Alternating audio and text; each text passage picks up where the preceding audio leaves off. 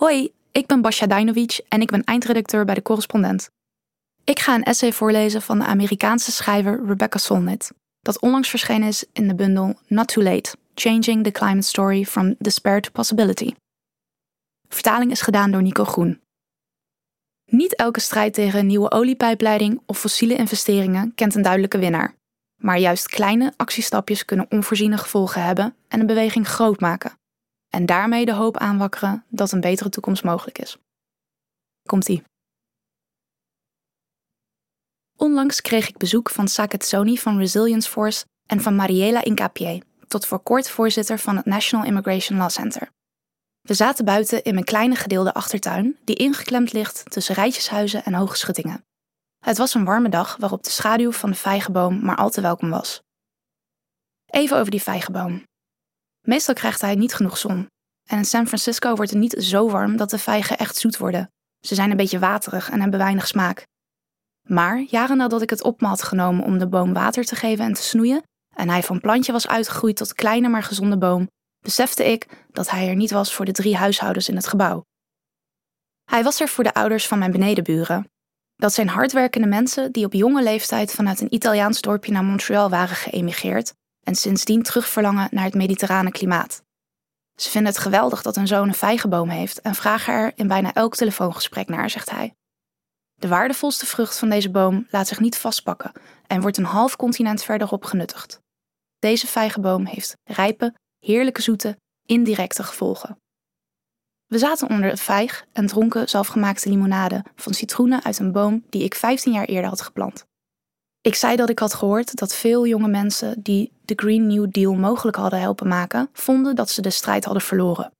Maar mijn gasten drukten me op het hart dat de impact van de Sunrise Movement groot was en in allerlei opzichten een succes, zelfs al was er geen eenduidig doel.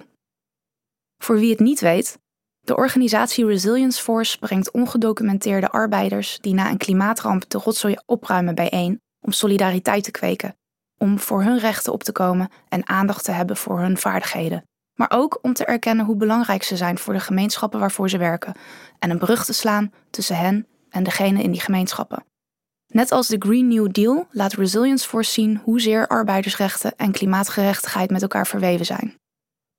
Activisme is meestal een beweging, een manifest, een groep die iets eist, maar het niet krijgt. In elk geval niet meteen. Mensen denken vaak dat iets mislukt als er geen onmiddellijke tastbare resultaten zijn. Maar in werkelijkheid zijn gevolgen vaak subtieler. Hebben ze meerdere lagen? Zijn ze minder voorspelbaar en direct? Wegen ze op den lange duur zwaarder? Soms zijn ze zelfs waardevoller en significanter dan simpele slogans en korte termijnen doen vermoeden. Vaak zinderen de gevolgen tientallen jaren later nog na of dijen ze nog uit. Niet altijd op een positieve manier. De Russische invasie van Oekraïne in februari 2022 leidde tot voedselcrisis in andere delen van de wereld.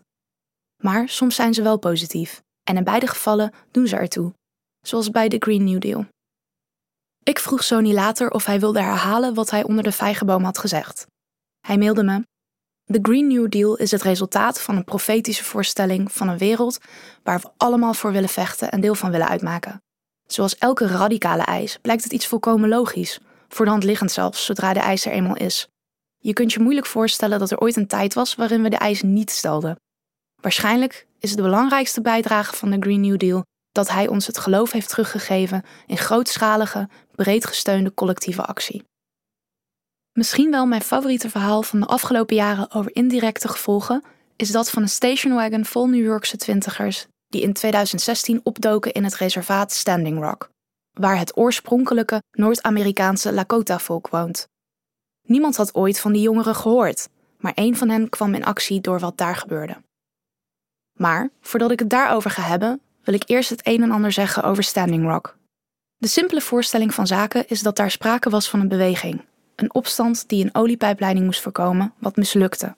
Volgens mij kan de vergunning nog altijd worden ingetrokken en het onrecht ongedaan worden gemaakt.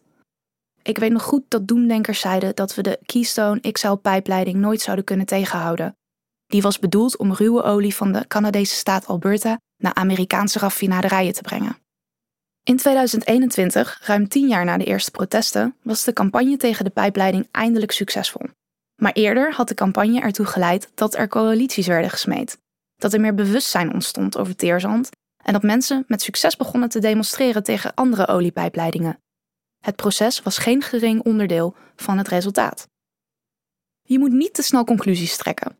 In de afgelopen twee jaar maakten de universiteiten van Harvard en Princeton bekend dat ze niet meer zouden investeren in fossiele brandstoffen. Activisten hadden er tien jaar over gedaan om dat voor elkaar te krijgen. Ruim negen jaar lang had je hun strijd vergeefs kunnen noemen. Ook al was die onderdeel van een wereldwijde beweging die ervoor zorgde dat er biljoenen dollars minder werden geïnvesteerd in fossiele brandstoffen en die individuele en institutionele beleggers met ethische vragen bestookte. Verandering gaat soms langzaam. Wanneer die zich plotseling voordoet, of wanneer het lijkt alsof dat zo is, dan is dat vaak doordat zich ineens gevolgen aandienen van een actie die aanvankelijk zonder gevolgen leek.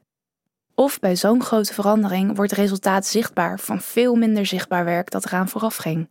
Ook doen zulke veranderingen zich vaak zomaar ineens voor, als een aardbeving of omwenteling, een breuk met het voorgaande. In Standing Rock gebeurde in 2016 zoveel tegelijk. Waarschijnlijk was het voor het eerst in de geschiedenis van het continent dat zoveel inheemse volken zich bij elkaar verzamelden. Voor het eerst sinds de 19e eeuw kwamen alle zeven Lakota-stammen er bijeen. Honderden veteranen knielden er om zich te verontschuldigen voor de genocide door het Amerikaanse leger. Er werden bondgenootschappen en vriendschappen gesmeed. Het laat zich niet in cijfers uitdrukken wat dat allemaal teweegbracht, maar het had wel degelijk effect. Een van de organisatoren van de campagne in Standing Rock zei dat de bijeenkomst en het verzet de jongeren daar hoop gaven.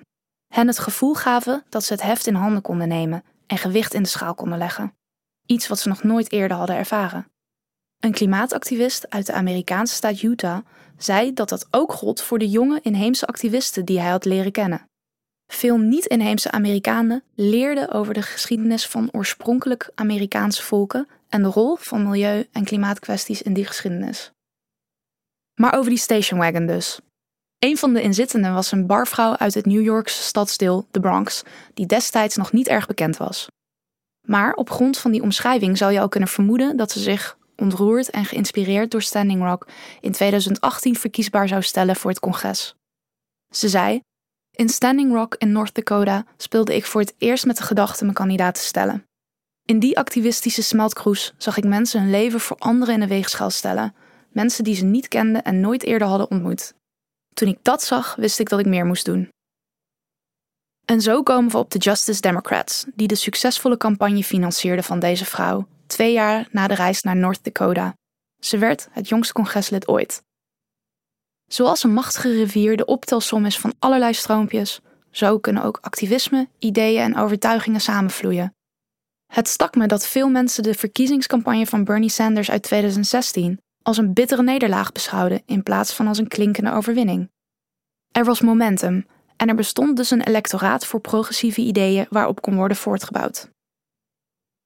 Wat die inzittenden van de stationwagon betreft, ik heb het natuurlijk over Alexandria Ocasio-Cortez, AOC, die veel van zich heeft laten horen en zien en die is uitgegroeid tot een belangrijke progressieve stem. In februari 2019, nog geen jaar nadat ze was ingezworen als congreslid, steunde ze de Green New Deal in het Huis van Afgevaardigden. Merk op dat Standing Rock, de Justice Democrats, de Sunrise Movement en het leven van deze jonge vrouw verband met elkaar houden. Ze zei: Jarenlang was ik wanhopig. Waar ben ik mee bezig? Is dit hoe mijn leven eruit moet zien? Elke dag komen opdagen, werken, weten dat het allemaal heel zwaar is en dan weer naar huis om de volgende dag het opnieuw te doen. Toen ik voor het eerst in actie kwam, toen ik naar Standing Rock ging om tegen die pijpleiding te protesteren, voelde dat als een enorme bevrijding. Het leek op dat moment onmogelijk, maar er kwamen gewone mensen op af die doodleuk op dat land gingen staan om te voorkomen dat die pijpleiding er kwam. Het gaf me ongelooflijk veel kracht, al hadden we niets materieel gezien. Alleen al het feit dat we ons verzetten tegen enkele van de machtigste bedrijven ter wereld. Ik heb ervan geleerd dat hoop niet iets is wat je hebt, maar dat je moet creëren met daden. Je moet hoop in de wereld brengen, want zodra iemand hoop krijgt, wordt die besmettelijk. Dan gaan anderen zich nog hoopvoller gedragen. EOC zocht naar hoop die ze kon creëren. Dat deed ze door zich op talloze dossiers te storten en het voortouw te nemen in kwesties die belangrijk zijn voor het land en de wereld, waaronder het klimaat. De Green New Deal, zeggen activistische oudgedienden, zette de discussie op zijn kop over wat er kan en wat we willen. De deal zorgde dat er een einde kwam aan de valse tegenstelling tussen banen en milieu, die de milieubeweging tientallen jaren heeft gegijzeld. De deal schroefde niet alleen de ambities van wat we kunnen en moeten doen hoog op, hij bracht ook in kaart wat daarvoor nodig is en hoe alle stukjes in elkaar passen. De Green New Deal ging over banen en infrastructuur, over landbouw en over rechtvaardigheid. En vooral over wortels voorhouden, niet over stokken om mee te slaan. De fossiele industrie was geen rechtstreeks doelwit, anders dan bij de meeste klimaatactivisten en campagnes. De Green New Deal vormde niet alleen de blauwdruk en de aanzet voor regionale en internationale klimaatplannen, waaronder de Green New Deal van de stad Ithaca, maar ook voor de Global Green New Deal en de Europese Green Deal. De Green New Deal was de mal voor Bidens klimaatplatform en daarna voor Build Back Better, waarvan de gewaagste en meest visionaire onderdelen in feite de Green New Deal zelf waren.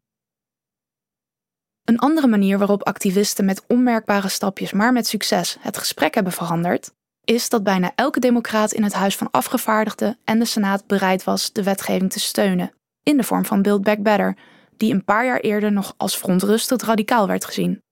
En toen Build Back Better het niet haalde omdat de wet één stem tekort kwam, die van kolenboer en senator Joe Manchin, keerde hij terug in de vorm van de Inflation Reduction Act. Die wet ging bovendien over gezondheidszorg en belastingen en trok 369 miljard dollar uit voor klimaatgerelateerde onderwerpen. Opnieuw kwam het beste deel voort uit de Green New Deal. Het was geen complete of zelfs maar een brede overwinning, maar toch een overwinning. Wat de wet allemaal voor het klimaat heeft betekend, leek kort daarvoor nog onhaalbaar. Nadat de wet was aangenomen, schreef Daniel Hunter, die actief is in 350.org en de Sunrise Movement, een beweging wint nooit. Tenminste, niet in de zin waar de meeste mensen bij dat woord aan denken. Hij bedoelt dat het einddoel nooit wordt gehaald. Je wordt activist vanwege een ideaal. En als dat ideaal al wordt bereikt, dan is het altijd gedeeltelijk en gemankeerd. Er komt geen moment waarop iedereen ineens handelt naar deze overtuigingen, zegt hij. En toch vindt hij dat we elk resultaat moeten vieren. Ik zie vaak dat mensen bang zijn om de overwinning op te eisen, omdat ze dan de indruk wekken dat het werk erop zou zitten. Maar Hunter beweert dat het ons juist motiveert om door te gaan. Roep de overwinning uit, zegt hij. Want de winst benoemen en je rekenschap geven van wat je bereikt hebt, geeft energie voor de volgende overwinning en die erna. Mensen willen zich nou eenmaal aansluiten bij een positieve club die barst van liefde en energie. Daarom is het cruciaal om dingen te vieren. Wat ik ooit over roem heb geleerd, geldt op een andere manier misschien voor ideeën. Een redelijk bekende kunstenaar is herkenbaar en zichtbaar. Maar bij een echt invloedrijke kunstenaar draait het niet om wat je ziet, maar hoe je het ziet. Alleen, dat is onzichtbaar, want dat gebeurt in je hoofd in plaats van voor je neus. Zulke kunstenaars bepalen hoe je alles waarneemt, niet alleen wat ze zelf maken. De Green New Deal is niet langer een goed idee dat onze aandacht verdient, maar de maatstaf aan de hand waarvan we nadenken over hernieuwbare energie, banen, klimaat en rechtvaardigheid. De klimaatcrisis is een noodtoestand. Direct ingrijpen en diepgaande veranderingen zijn vereist en snel ook. Als je alle kleine beetjes ziet, een windmolenpark hier, een verijdelde pijpleiding daar, een paar biljoen aan afgeblazen investeringen zus, gemobiliseerd publiek zo, een verkiezingsoverwinning hier, enkele doorgevoerde maatregelen daar, dan is het opgeteld heel veel. De strijd is lang en richtlijnen zijn belangrijk. Maar het is een enorme verschuiving ten opzichte van waar we tien jaar geleden stonden, als je kijkt naar de inzichten en agenda's die nu breed gedeeld worden, naar de manier waarop duurzame energie en elektrificatie worden geïmplementeerd, naar de groei van de beweging, niet alleen in omvang, maar ook qua volwassenwording en rijkwijde van de thema's. Wat we willen lijkt moeilijk haalbaar, maar wat onwaarschijnlijk is, is niet onmogelijk. In een essay over activistisch leiderschap las ik over Moses Maimonides, de 12e eeuwse Joodse geleerde. Hij beweerde dat hopen betekent geloven dat wat mogelijk is ook haalbaar is. En niet dat wat voor de hand ligt altijd hoeft te gebeuren. Hoewel het altijd voor de hand ligt dat Goliath wint, wint David soms. En dat brengt een besef van het mogelijke dat we in ons eigen leven ervaren. Hoop komt voort uit dat besef van het mogelijke en bevrijdt ons van de ketens van wat er voor de hand ligt. In dat onwaarschijnlijke ligt voor ons een taak. We moeten een wereld voor ons zien waarin de Green New Deal de normale gang van zaken is, of waarin nog groenere deals komen. Ik ben hoopvol gestemd. En ik ben de jonge mensen van de Sunrise Movement erkentelijk voor wat ze in gang hebben gezet. Dit verhaal is nog niet af en we weten niet hoe het afloopt. Maar daar hebben wij mede de hand in. Het is belangrijk om dat werk te doen. Weten dat dat werk van belang is en waarom het de moeite waard is, betekent rekening houden met indirecte gevolgen. Het is de missie van de correspondent om voorbij de waan van de dag te gaan. Onze correspondenten voorzien het nieuws van context en schrijven over de grote thema's van deze tijd. De correspondent geeft me de vrijheid om mijn nieuwsgierigheid te volgen en de tijd om verhalen te schrijven. En zo probeer ik onzichtbare structuren zichtbaar te maken en een andere kijk te bieden op debatten die het nieuws domineren. Dan gaat het minder over het spelletje en veel meer over wat er op het spel staat.